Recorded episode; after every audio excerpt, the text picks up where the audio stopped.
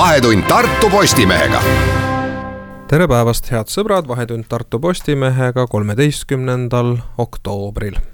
mina olen Tartu Postimehe peatoimetaja Rannar Raba. mis meil siis praegu Tartu Postimehe vahendusel olulisemad, kuumemad teemad on, mis uudiste taevasse on kerkinud kahtlemata peaks rääkima sellest, et äh, Tartus ja Tartu ümbruses on viimasel ajal ette tulnud ridamisi äh, sissemurdmisi ehitusjärgus hoonetesse, on kaasa viidud äh, tööriistu ja muid selliseid võrdlemisi hinnalisi esemeid ja politsei kahtlustab, et tegemist võib olla omavahel seotud kuritegudega, ehk siis sellise sari sissemurdmistega, nii et inimesed, kel kel vara natukest on, palun vaadake hoolega üle, kas äh, see on ka kindlalt luku taga. ja millest me veel oleme hiljuti kirjutanud, näiteks sellest, et äh, Hugo Treffneri gümnaasiumi õpilased on hakkama saanud väga vinge õpilasfirmaga, mis äh, toodab ei midagi muud kui hambapesutablette just, just,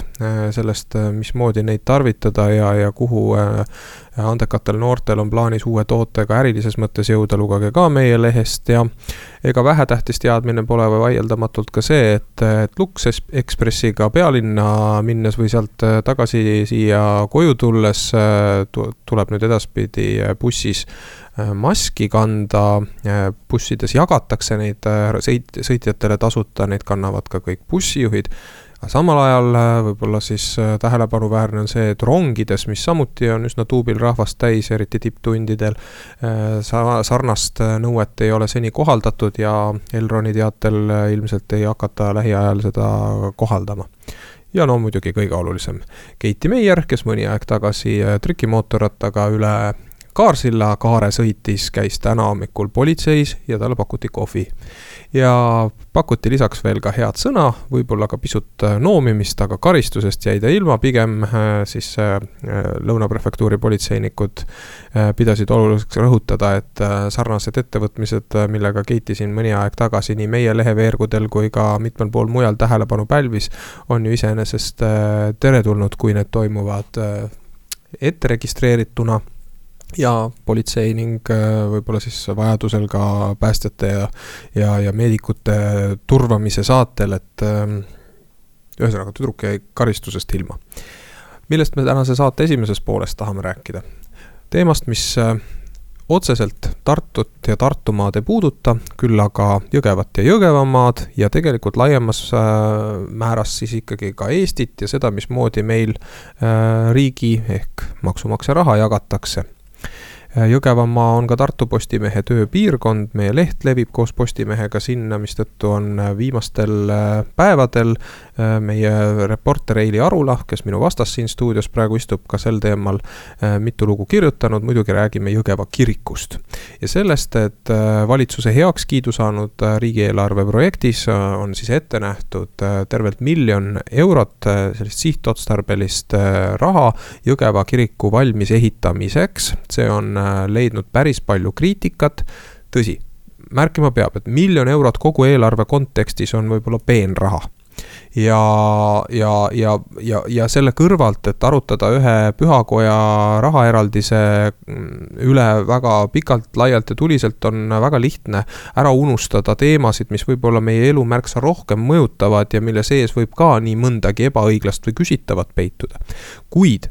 oleme otsustanud meiegi sellel teemal äh, juttu teha just eeskätt selle tõttu, et äh, meie hinnangul Jõgeva kiriku ehituse rahastamisest peegeldub päris hästi see stiil, kuidas meie avalikku raha jagatakse.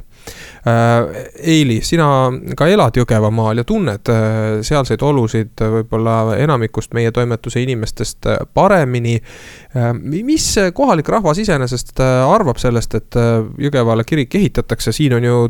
me, mäle-, siis noh, meeldetuletamist väärt tõik, mis äh, ikka ja jälle on läbi käinud äh, mälumängudest. et Jõgeva on olnud ju äh, ainus maakonnalinn Eestis, kus sellist päris oma kirikut ei ole siiamaani olnud ja just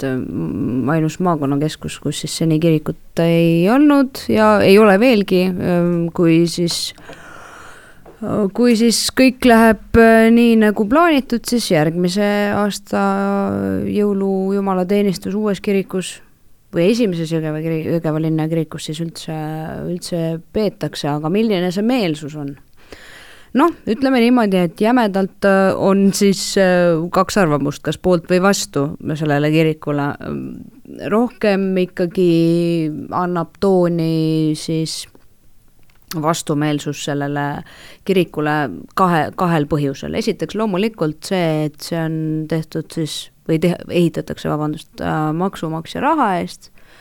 et selle raha eest võiks ju midagi hoopis targemat teha, noh, mm, võrdluseks on öeldud, et Jõgeva renoveeritud põhikoolile ei saanud ehitada juurde korralikku võimlat, äh, küll nurisetakse mm, igasuguste sotsiaalhoolekandeteenuste puudumise pärast äh, küll selle eest, et teed on siin-seal kehvas seisus. Et äh, noh, kuni, kuni selleni välja, et, et kes seda siis kasutama hakkab, et kogudus ju niivõrd väike, seal äh, napilt viiskümmend inimest, et, et kas tõesti. kas need viiskümmend inimest on äh, need, kes on koguduse nimekirjas või siis jaa need..., need on nimekirjas. jaa, aga mm -hmm. palju neid siis on, kes igapäevaselt vajavad kirikut kui kohta Jumala sõna kuulamiseks ja, ja oma usu teenimiseks? noh, sõltuvalt äh, sündmustest, eks Eesti inimesel ikka nagu jõulude ajal on see kirik võib-olla rohkem lähedasem ja, ja käiakse, käiakse pare-, nagu parema meelega, aga jah, noh, igal pühapäeval noh, vist äh, kahe käe sõrmedel loeb küll seal inimesi kokku. kus no, kogudus praegu koos käib? kogudus praegu käib äh, siis Jõgeva linnas kunagises laste sõime no kasutuses olevas majas, et on see siis üheksakümnendatel kogudus sai selle omale osta, äh, ostis ära ja toimetab seal äh, tänini. Et jah, selles osas äh, tõesti noh, kui nüüd rääkida sellest, et kirikut on vaja kogudusele, et siis nagu Rahvusringhäälinguski öeldi, et see on päris hea kingitus siis, kui jagada miljon neljakümne nelja liikme vahel ära, et, et päris, päris kobe summa, aga noh Nad ikkagi mitte NAAD, vaid äh, valitsus äh, eraldas raha siis äh, kirik kogukonnakeskusele, et sinna peaks mahtuma siis kõik, kõik teised valla, mitte kõik teised, vaid siis paljud teised valla seltsingud, räägime siin noh, eakate päevakeskusest ja, või puuetega inimeste kojast, et neil oleks ka koht, kus käia. Noh, ma ei tea, natukene selline huvitav, huvitav põhjus iseenesest või huvitav põhjendus välja toodud selles mõttes, et um, noh, ta on ikkagi ennekõike kirik selles osas, et kui seda torni osa, mis on siis praegu juba valmis ehitatud, vaadata, siis esimesena jääb seal silma seal torni tipus äh, rist. nii et, et paratamatult on tegu ikkagi kirikuga, et ükskõik mismoodi seda siis peenelt nimetada sellest, äh, kellele seda kirikut õigupoolest vaja on ja millised võiksid olla äh, selle peatselt valmiva sakraalhoone tegelikud funktsioonid, räägime pärast reklaamipausi.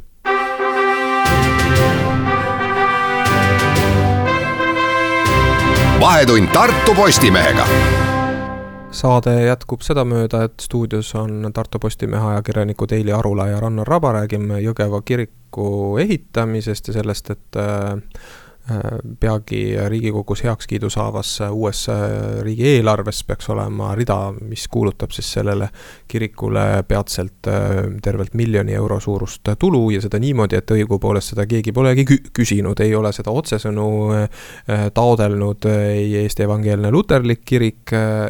ega ka kogudus, küll aga on miskipärast raha otsustatud anda, et väga huvitav kingitus. ja selle kontekstis on muidugi õige kõigepealt küsida, et, et kellele seda kirikut sinna Jõgevale üldse vaja on, noh, lisaks sellele, et, et Jõgeva lõpuks ükskord pääseks sellest tiitlist, et see on maakonnalinn, kus äh, kirikut ei ole, õige, õige kahe asi. et äh, noh, on ju räägitud siin ka sinu lugudes, allikad on seda maininud, et äh, selline uus ehitis võiks olla koht noh, laiemas mõttes kogukonna teenimiseks. ka nende jaoks, kes otseselt ei käi seal äh, usutalitustel. et äh, see võiks ju olla siis, ma ei tea, väiksemat sorti konverentside pidamise paik, võib-olla näituste ja kontsertide kontsertide korraldamise paik äh, ja, ja võib-olla siis ka niisama klubiliste kooskäimiste äh, koht, siis äh, noh, mina julgen küll arvata, et see ei hakka niimoodi tööle, sellepärast et kirik on ikkagi kirik ja kirikul on teatud tähendus, et jah, mingil määral see võib ju nii olla, aga noh, ma nagu väga küll ei usuks, et, et, et, et inimesed, kes tahavad, ma ei tea, konverentsi korraldada, otsustavad, et ma, otsivad Jõgevalt seda kohta just ühest, ühest kirikust. kontserdipaigana muidugi on kirikud igal pool Eestis päris hästi toiminud toimima hakanud või mitte toimima hakanud, vaid alati toiminud jaa, selles mõttes, et äh, kui nüüd vaadata linnas ringi, et kui me räägime sellest, et äh, oleks vaja kohta, alustame siis näiteks kontserdist. no kontserte seni on peetud ja peetakse kindlasti ka edaspidi äh, sellises kohas nagu Jõgeva kultuurikeskus, täiesti korralik suur saal on, lava on olemas, kultuurikeskuse taga on ka välilava, kus saab siis nii-öelda väri, väriüritust korraldada. kui me mõtleme siin konverentside peale samamoodi on need seni korraldatud, äh, korraldatakse ilmsest, ilmselt ka edaspidi samuti Kultuurikeskuses, äh, mis siis äh, spordisaal on olemas, spordisaal küll läheb, spordihoone, vabandust, spordihoone läheb küll nüüd ilmselt järgmisel aastal remonti ja läbib uuenduskuuri, mis on ka igati tervitatav, noh, aga samamoodi spordisaalis, kui see ka on uuenenud, ka seal saaks teha erinevaid koosviibimisi, konverentse mis puudutab nüüd seltsinguid äh, ja neid ruume, siis noh, neid kohti, mida ümber ehitada siis seltsingutele sobivaks, on linnas veelgi. jah, et kas selleks peab ehitama tingimata ma ei tea, pooleteise miljoni eest uue hoone, mis et... muuhulgas kannab ka kiriku noh, siis äh, rolli. just, just, et ma just mõtlengi, et, et ilmselt, ilmselt saaks äh, võib-olla natukene väiksema vaevaga, ma ei ole küll mingi ehituse ekspert, et ma ütlen, et jah, et selle vana kahekordse linna, suhteliselt linna keskel asuva äh, raamatukogu hoone ümbertegemiseks äh, kulub vähem või rohkem raha, aga noh, ühesõnaga selline selline hoone iseenesest, kuhu mahuks seal tõesti kas puuetega inimeste koda, eakate päevakeskus või midagi muud sarnast, on iseenesest olemas. Neid on veelgi, kuid noh, see on lihtsalt üks, mis, mis hiljuti oli veel ka, ka täiesti kasutuses, raamatukogu nimelt eelmisel aastal kolis siis uuenenud põhikooli juurde ehitatud ruumidesse et jah, selle tarvis, et nüüd poleks inimesi mitte kuskile mujale panna, et oleks tarvis ehitada mingisugune noh, täpselt seesama kogu, kirik, kogukonnakeskus, noh, ma usun, et see on lihtsalt üks otsitud põhjus, et põhjendada seda kiriku ehitust vot, vot just ja siin äh, ongi siis äh, kogu selle teema peamine juur, et miks me sellest räägime. Kor, korra võib ju veel üle rõhutada, et me anname endale aru, et miljon eurot riigi kont-, kogu riigi kontekstis ja riigieelarve kontekstis võib-olla ongi noh, selline summa, mille peale liigse aja kuluta-, või noh, aja kulutamine võib tunduda ähm, tähenärimisena, aga stiili mõttes on see ikkagi väga küsitav äh, näide ja seda ei saa ajakirjanikud ega ka avalikkus laiemalt kuidagi tähelepanuta jätta. mind isiklikult äh, see rahaeraldus ühel põhjusel äh, solvab solvab, ma ei, ma ei väida, et see kirik, mis Jõgevale kerkib,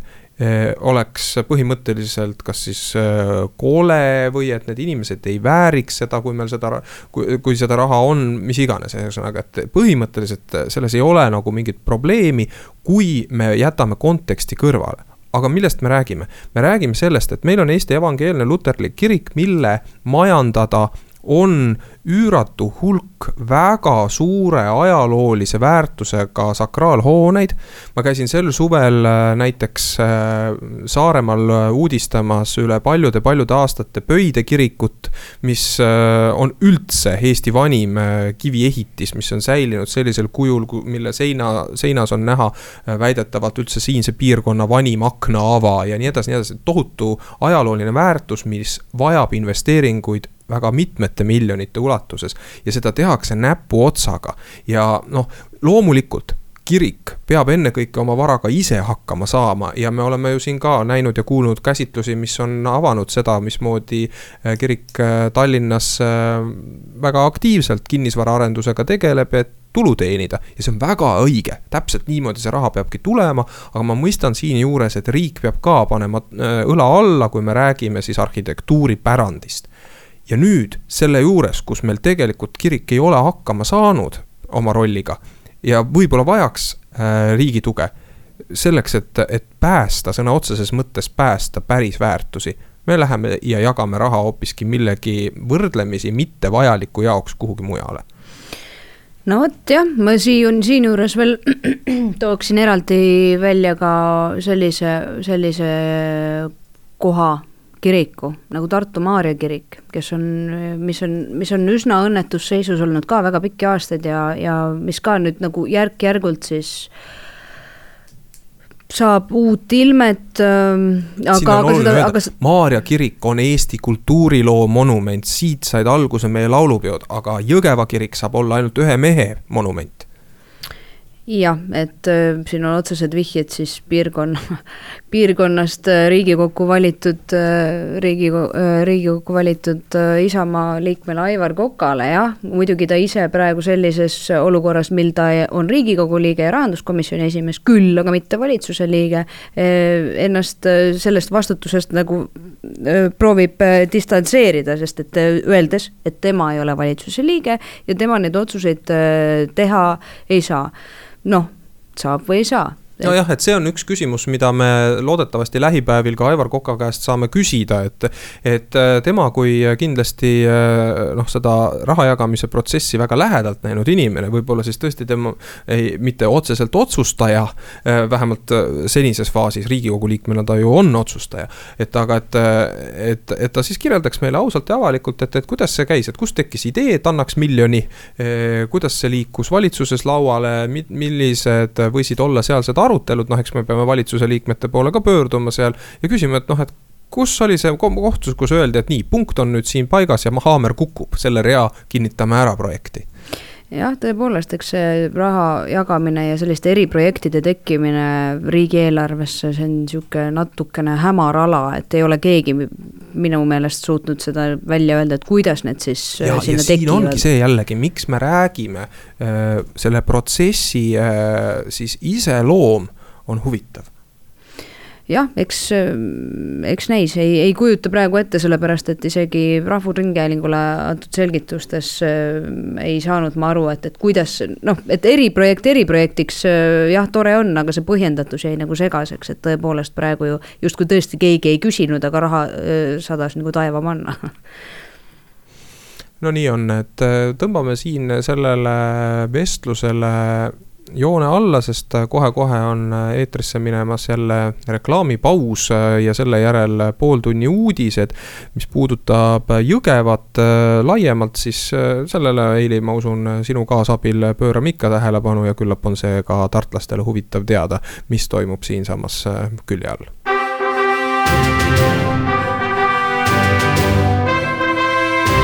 vahetund Tartu Postimehega tere tulemast tagasi, Vahetund Tartu Postimehega, mina olen Rannar Raba, Tartu Postimehe peatoimetaja ning, ning, ning nüüd saate teiseks pooleks äh, olen vahetanud oma vestluspartnerit äh,. nüüd on minu vastas äh, Armas Riives, meie äh, uudisteajakirjanik äh, ja tuleb juttu väga tõsisel teemal, mitte et saate esimene pool äh, poleks tõsine olnud, kui rääkisime pühakodadest ja, ja rahast, aga nüüd me jõuame inimesteni ja selleni, mida äh, näotut ja, ja tihti ka äh, varjamist äh, pälvivat äh, on korraldatud. me räägime laste suhtes toime pandud kuritegevusest ja mitte lihtsalt kuritegevusest, vaid äh, seksuaalsest väär kohtlemisest. sina, Armas, oled sel teemal eelmisel reedel avaldanud meie lehes lehekülje pikkulise, pikkuse käsitluse õige mitmekülgse, sa oled siin äh, juttu teinud äh, erinevatest äh, väärkohtlemise vormidest. aga võib-olla sissejuhatuseks peab mainima seda, et, et selles loos ei ole mitte lihtsalt ainult selline laiem, laiem käsitlus, vaid ka selgelt üks uudislik aspekt. et siin nii-öelda, meie nimetame ajakirjanike keeles siis sellise suure loo kõrval olevat väikest lugu B-looks ja see B-lugu räägib meile sellest, kuidas eelmisel aastal äh, vahistati kaheksateist meest, see on siis üle Eesti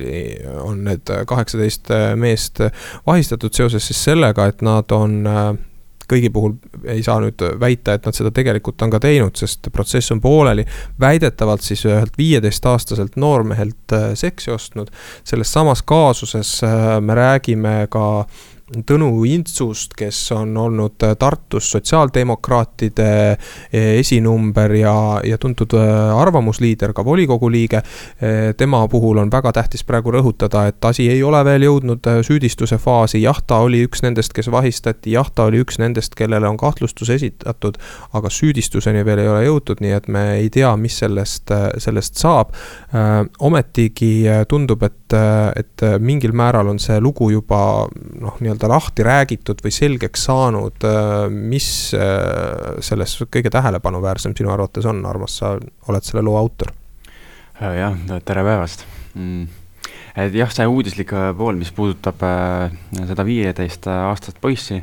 et äh, see juhtus siis mullu äh,, kui mehed vahistati, et noh, jah, tõsi on, et äh, paljud neist äh, said süüdistusest äh, priiks, aga äh, asi ei ole üldse nii lihtne, sest äh,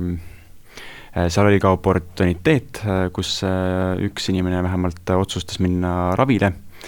aga ka osade meeste puhul ei õnnestunud, äh, äh, me ei saa öelda, et asja ei juhtunud, aga see on väga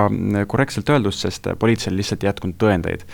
et mm, maksti siis millegi muu eest kui seksi eest, näiteks äh, osteti toitu, riideid, nii edasi, et mehed vahistati üle Eesti. aga juhtum on ka keerulisem sellepärast, et tegemist ei ole lihtsalt äh, Äh, lihtsa juhtumise, juhtumisega esiteks poiss oli viieteistaastane, et iseenesest äh, vahekord on äh, Eestis lubatud alates neljateistaastasest. ehk siis piltlikult öeldes see viieteistaastane võib olla ka üheksakümneaastasega, kui ta tahab. aga, aga siin on just see maksmise osa, et prostitutsioon ei ole tõesti lubatud alla kaheksateist-aastasel vähemalt, et et ja seal on muidugi erinevaid tahke veel, et äh, lisaks see poiss ise otsis endale äh, kaaslasi, et, äh, et tegemist on väga raske perekonnaga, taustaga. et ei ole nii mustvalgelt võetav see, jah jah, et äh, võib ju tekkida küsimus, et, äh, et kust maalt ikkagi algab äh, prostitutsioon, enesemüümine ja, ja, ja seaduse rikkumine, et äh, siin ei ole meie päris äh, kindlasti need, kes peaksid lõplikku tõde kuulutama. seda, et äh, et, et see asi oli süsteemne, siiski kinnitab see, et need mehed, keda kin-, tähendab neid mehi oli kaheksateist, keda kinni peeti. ja nii nagu sinu nagu laiem käsitlus ka kinnitab, siis laste suhtes toime pandud seksuaalvägivald, see, millest me näeme, mida me näeme numbrites,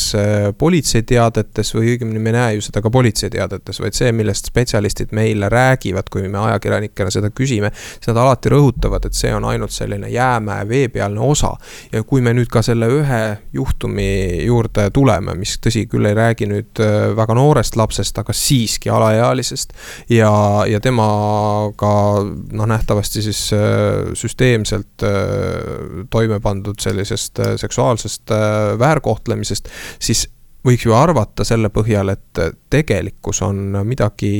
mis on märksa, märksa laiem ja tõsisem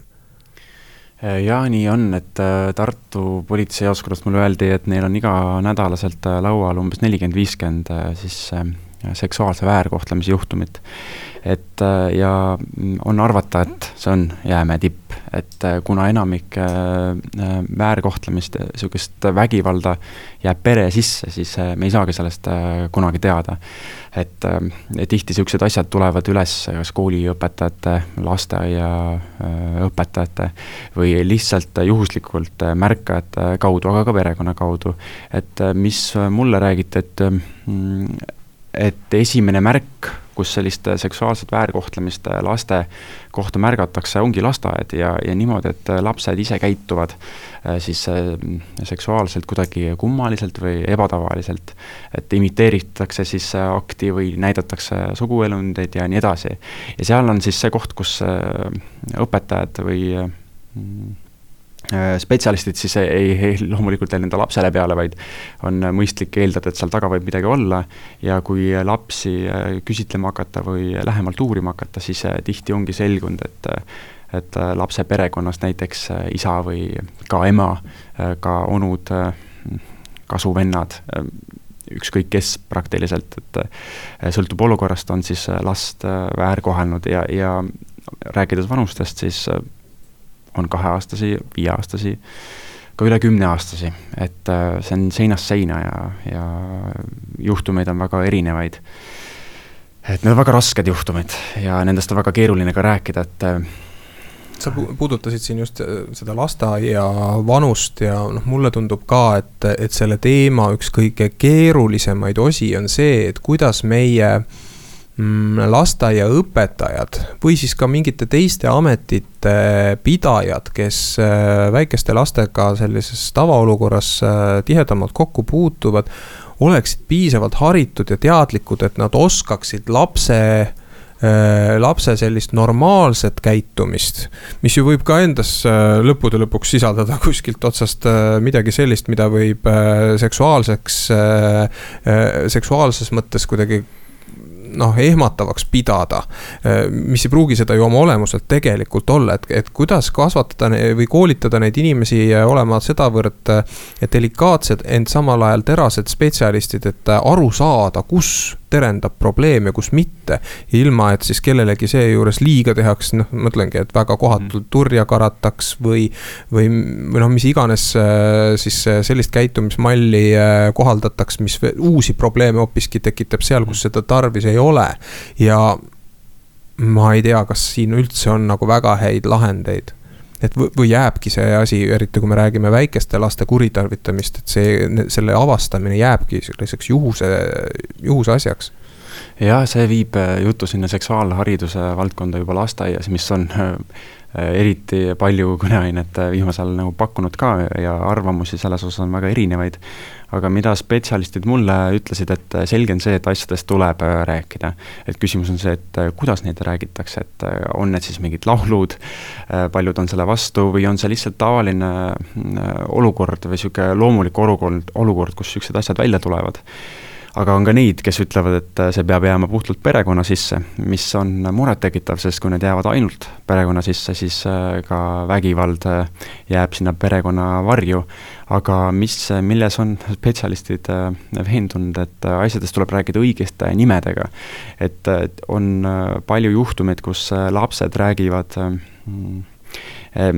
koerasabadest, mingitest asjadest, millega nad mängivad, aga hiljem selgub, et need on siis äh, Äh, need nimed, millele näiteks väärkohtleja on äh, andnud nimetuse suguelundile näiteks või, või midagi sellist. aga ja esmalt, kui midagi märgatakse, et siis ei tohi tõesti lapsele kuidagi äh, tarra, lennata, vaid tuleb teda kuulata. seejuures mitte teda kuidagi suunavalt küsitleda, vaid tõesti esmalt tuleks pöörduda spetsialisti poole, kes siis juba oskab lapsi siis noh, küsitleda. no just, just, et iga mm., iga seksuaalse ala alltekstiga käitumine ja. ei tähenda ju probleemi. siin on väga keeruline langeda noh sellise probleemi tekitaja staatusesse täiskasvanutel, et kui me kasvõi mõtleme selle peale, kuidas siin viimastel, äh, viimasel paaril aastal on äh, noh, siis lasteaialaste seksuaalkasvatusest rääkivad spetsialistid saanud väga räige avaliku sõimu osaliseks, noh näiteks sotsiaalmeedias mm. -hmm. siis, siis, siis see näitab seda, et, et inimeste arusaamad selles valdkonnas on ikka väga mustvalged ja, ja tihti minnakse noh, ka, ka väga noh, tegelikult, tegelikku situatsiooni äh, tabamata rünnakule. Noh, ma nagu mõtlen selle peale, et, et siin paistab selle valdkonna kõige suurem delikaatsus, delikaatsusi, et noh, loomulikult siis teine asi see, et kuidas lastele mitte haiget teha, kes juba niigi haiget on saanud. Äh, jah, äh, äh, nagu ma kuulsin, on ka neid juhtumeid, kus laps on saanud suurema trauma sellest, et et vanemad on arvanud, et tema seksuaalne käitumine on ebanormaalne, me räägime näiteks partnerite otsimisest või siis eneserahuldamisest ja sellistest asjadest, et et kui on vähegi kahtlus, nagu ma aru saan, siis äh, Äh, pöördu kõigepealt spetsialisti poole, räägi, arutage, et ei, ei tasu jah, lapsele kõigepealt äh, tara lennata, sest see võib omakorda tekitada äh, äh, talle olukorda, kust on tal väga raske sellest üle saada. Äh, jah. no sellest, missugused äh, on need võimalused äh, leida abi, head nõu ning kes üldse aitab, kui me räägime päriselt kurjategijate ohvriks langenud alaealistest, siis sellest tahaksime rääkida pärast reklaamipausi, mis kohe nüüd algab.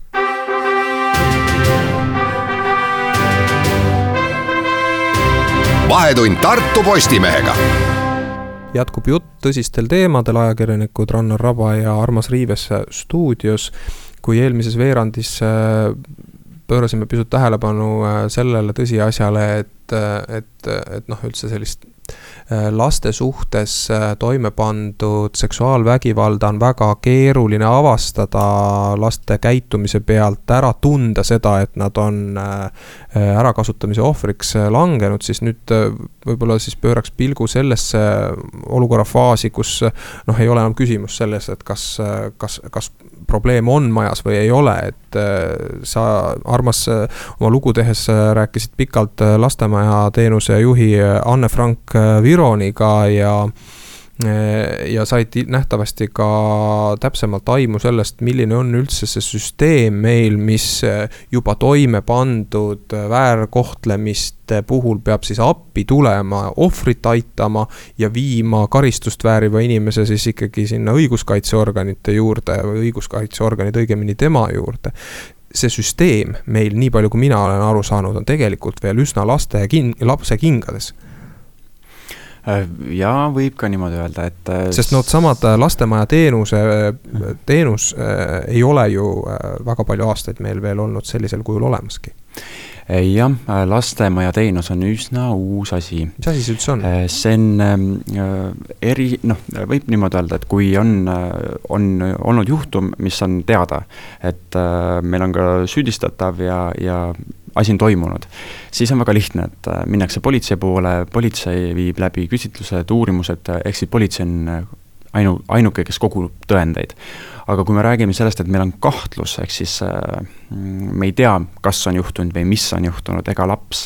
ei tõtta kunagi rääkima sulle lihtsalt, et nüüd minuga midagi juhtus, sellepärast et laps on ju noor, ta ei saa aru, mis on õige, mis on vale. et kui teda näiteks väärkoheldud väga väiksena, siis tema jaoks on see osa normaalsest elust, et ta ei erista seda, et õige või vale. et siis tuleb appi lastemaja, mis on üsna uus teenus, et ka neid on üle Eesti mitmeid, näiteks Lõuna ringkonnas, regioonis rääkisin mina lastemajaga ja lastemaja on siis see koht, kus äh, laps äh, saab abi, ta viiakse sinna, sinna noh, ta ei viida, võib-olla ta läheb ise, aga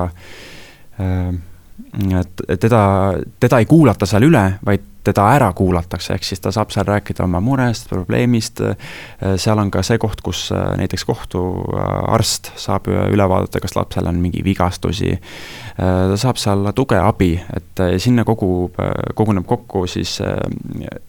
suur seltskond inimesi, seal võib olla politsei, seal võib olla psühholoog, lastekaitse, vanemad, tuttavad, et õpetajad, et kes iganes, noh, sõltub juhtumist, selle juhtumiga siis kokku käib. ja siis last kuulatakse ära ja, ja siis sõltuvalt sellest siis, kas sealt selgub uusi tõendeid, kas on midagi juhtunud ja nii edasi, et siis uuritakse asja edasi ma tean, mis on vastus, aga ma ikkagi äh, raadioeetris selguse huvides äh, sinule esitan sellise küsimuse, kus näiteks Tartus lastemaja asub? Äh, jah, nii nagu las-, naistemaja, siis ka lastemaja, et neid kohti välja öelda, et see on, põhjus on selge, et, et lapsed oleksid siis kaitstud ja turvaliselt, et, et see on koht, kuhu, kus neil on mingi teatav kaitse, et väärkohtleja või kes Ehk iganes ei jõuaks need ohvrid, ohvrid või arvatavad ohvrid jõuavad ikkagi juba spetsialistide abiga. see ei ole selline noh, poolavalik maja, kuhu võib uksest sisse igaüks astuda ja, ja arvata, et tal on sinna seal mingisugust sõnu, sõnumit edastada või mingisugust õigust nõuda. ja just, sest iga lapse või noh, potentsiaalse ohvri tõttu kutsutakse see ringkond kokku, kes siis koosneb erinevatest spetsialistidest, aga nagu ma äh, kuulsin, on ka juhtumeid, kus äh, siis äh, kui kellelegi on see koht juba varasemalt tuttav, siis ta lihtsalt tuleb ja astub sisse, et saada abi. et selles mõttes kedagi ukse tagant ära ei lükata, aga üldiselt jah, läbi spetsialisti jõutakse sinna lastemajja mulle tundub see teema, millest me praegu räägime, võrdlemisi sarnane sellega,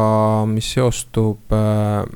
noh, perevägivallaga laiemalt ka, et äh, kui me räägime siin naistevastasest vägivallast ja muide, miks mitte ka meestevastasest vägivallast, olgu see siis füüsiline või vaimne. Äh, siis need on asjad, millest meil on alles viimastel aastatel hakatud avalikult rohkem rääkima, mis ühelt poolt justkui võiks anda selle tunde, et meil on asjad käest ära ühiskonnas aga siin on hästi tähtis, et inimesed saaksid ju aru, et, et kui meil nendest juhtumitest kõneldakse ja, ja ka süüdlasi vastutusele võetakse ja kedagi võib-olla siit-sealt väga keerulisest situatsioonist ära päästetakse, siis see ei tähenda seda, et, et meil oleksid, oleks olukord praegu läinud hullemaks, vaid seda, et, et abi on reaalselt hakatud osutama. et võib-olla aastaid, noh, ma ei hakka siin rääkima nõukogude ajast või veel varasematest perioodidest, kus perekondlikud suhted on olnud ju tavaliselt üsna kinniste uste taha jäävad. et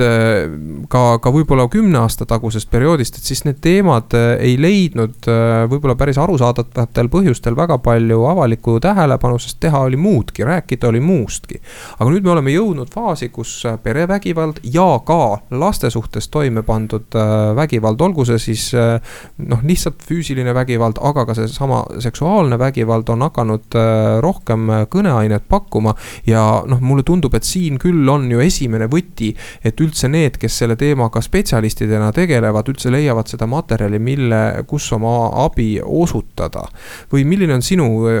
sisetundmus nüüd, kus sa oled selle teemaga pikalt ja põhjalikult tegelenud, kas meil üldse on lootust? Äh, jah, see, et järjest-järjest äh, tuleb juhtumeid ja lugusid välja, see näitab, et äh, need lood on olnud peidus. et ühiskond läheb järjest rohkem avatumaks, nendest asjadest räägib ja, ja seetõttu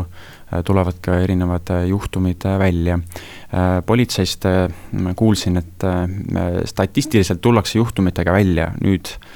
viimasel ajal aina rohkem ja rohkem. aga see hulk Eh, mis eh, nendest juhtumitest, mis jõuavad prokuratuuri, kus eh, saab reaalselt need siis süüdlased üles leida, see on aasta-aastalt ikkagi suhteliselt stabiilselt püsinud umbes seal üle poolesaja natukene. võin numbritega eksida, aga umbes kuuskümmend äkki oli et see veel muutunud ei ole, aga jah, juhtumid tuleb välja, see näitab, et probleem on ja on eksisteerinud ja ilmselt ka praegu äh, püsib. aga abist äh, ma saan aru, et äh, abi pakutakse teraapia juures, äh, teraapiat saab, aga on, oldakse mures sellepärast, et spetsialiste on vähe. et Postimees eelmine nädal mm, kirjutas ka, et raha jääb vähemaks terapeutidele ja seksuaalses väärkohtlemise ohvreid, nad saavad vähem abi, aga see ei ole otseselt tõsi, sest ega, ega raha juurde pumpamine otseselt ei aita kedagi, et meil on vaja neid spetsialiste, kes oskavad äh, neid abivajajaid nõustada ja neid aidata, et ähm, ja nagu ma veel kuulsin, et äh, probleem ära ei kao ilmselt. no ja, ja probleemi äratundmine ikkagi, me jõuame jälle jälle sellesama noh, nii-öelda tõsiasja juurde, et probleemi äratundmine on esimene punkt, kust on võimalik eh, edasi minna ja sealt edasi jõuame me selle aruteluni, kas meil on spetsialiste piisavalt, kas nad asuvad seal, kus nad peaksid olema, kas nad ja. on piisavalt targad Äh, ja noh, probleemi äratundmisega seostub ka, ka Lisette Reinebergi, meie teise noore ajakirjaniku hiljuti kirjutatud lugu Tartu Postimehes sellest, et nüüd on Tartus ka kaks sellist abigruppi või sellist tugigruppi asutatud seksuoloog äh, Rita Holmi eestvedamisel, äh, kuhu on oodatud juba täiskasvanu eas inimesed, kes ühel hetkel oma elukogemuse ja pealt nagu avastavad, et nad tegelikult on kunagi olnud lapsena väärkoheldud, ent nad ei ole võib-olla seda varem teadvustanud, on seda teadmist endas alla surunud, ent see on neid, nende elu mingil moel äh, ahistanud ja pärssinud, neid haigeks teinud, et nüüd isegi me oleme ju jõudnud juba sinnamaani ja see on väga tore ja tänuväärne, et me ka nii-öelda sellise pika linguga probleeme proovime lahendada, kui mitte muul moel, siis vähemalt sel moel, et kutsume inimesi tugigruppidesse, kes sinna julgevad minna, algatus on tehtud? jaa, igal juhul, et äh, ei tohi kunagi karta, et äh, ah, mis nüüd, et minuga ei ole olnud või et ma saan hakkama, et, et kui vähegi tunned, et midagi on, siis äh, mine. ja, ja veel laste väärkohtlemisest, et kui vähegi kahtlus on, siis pöörduge ja küsige abi, et, et oli ka niisugune juhtum, kus arvati, et, et ah, mis see on, et peresisene asi, aga hiljem selgus, et last siiski väärkoheldi, et, et alati pöörduge just nii. Äh, aitäh, armas Riives, et äh, tulid seda teemat äh, siia raadiosaatesse pisut valgustama. saate esimeses pooles oli minu vestluspartneriks Heili Arula. mina olen Rannar Raba, tänan kõiki kuulajaid, et olite meiega selle saatetunni ja järgmisel nädalal Vahetund Tartu Postimehega taas kord eetris.